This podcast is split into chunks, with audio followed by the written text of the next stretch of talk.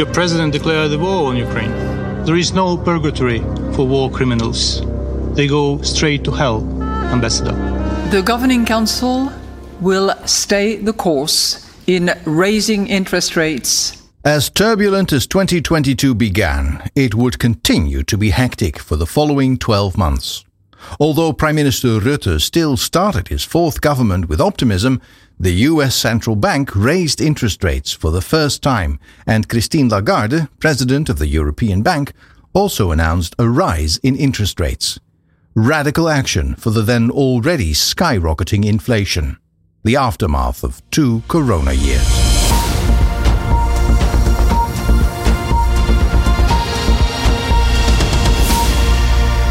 This is Martijn Warnas. I welcome you to this podcast about Shell Pensions SSPF Annual Report 2022.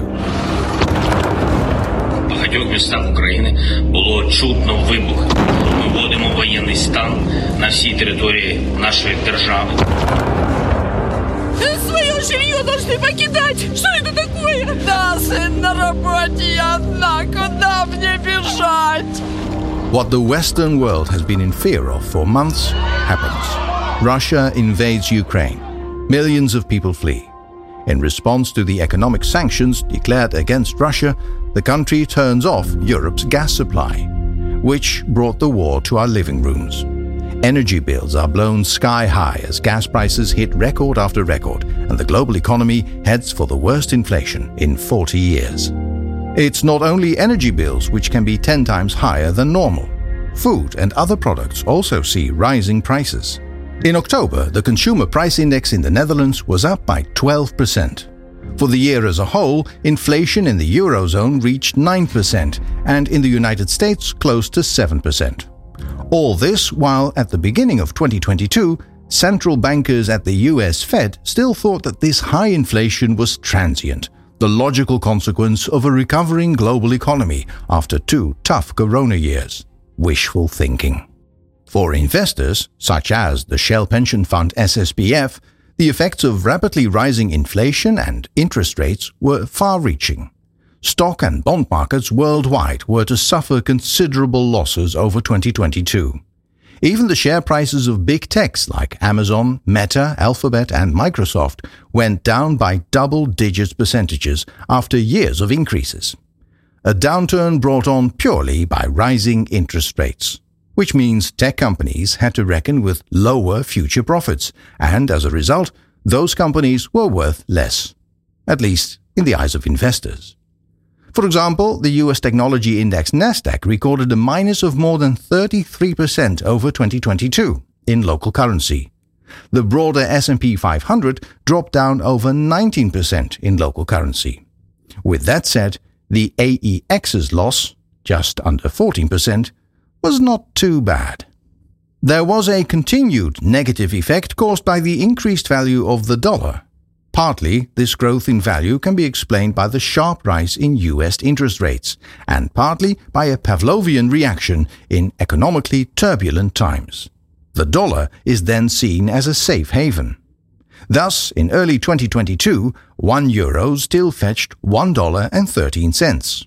By autumn, the dollar was already worth as much as the euro. This for the first time in 20 years. Meanwhile, China's economic growth fell sharply due to China's strict zero tolerance corona policy. As a result, China, the world's export engine, was much less able to supply Western countries with goods and semi finished products. Global industries, including car manufacturers, were severely affected by the chip shortages.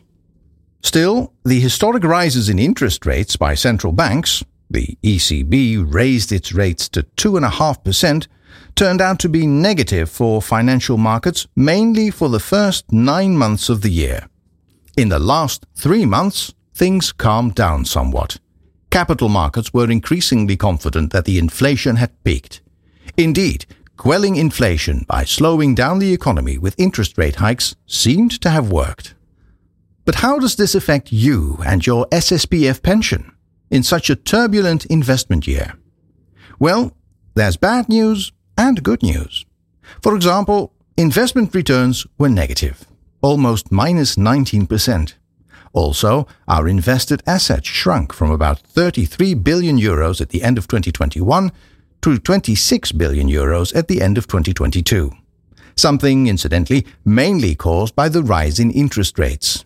This both reduced our pension obligations and increased the coverage ratio from about 131% to around and about 138%. This coverage ratio increase is good news for your pension and has made it possible to increase the pensions for pensioners and inactives at SSPF by 8%. Especially good to know is that pension fund SSPF has a robust investment portfolio in which investments are spread and diversified. So not only shares, which did worst overall, but also other investment categories. These performed significantly better in this reporting year. There were, in fact, pluses. Hedge funds achieved a plus of around 2%, and real estate achieved 9%. The latter, by the way, can easily be explained. The rental income of offices, stores, and houses is generally increased annually by inflation. So that alone makes real estate a highly sought after investment category. But even there, expectations are that the rise in interest rates will have a negative impact. In any case, in 2022, your pension fund SSPF took a step further in risk reduction. For example, the percentage of investments in shares and private equity has been reduced from 50 to 40%. On top of that, the risks a pension fund is exposed to at high coverage ratios were reduced by scaling up the so called interest rate hedge from 30 to 50%. In this way, we are creating a more stable and robust financial position and reducing the risk of reaching the danger zone. All for a secure and good pension. Thank you for listening. You've been listening to a podcast from Shell Pension. This episode was created by Debbie van der Voort, Astrid uit den Leonard Fijnbeen, Gerrit Gunning and Martijn Warnels.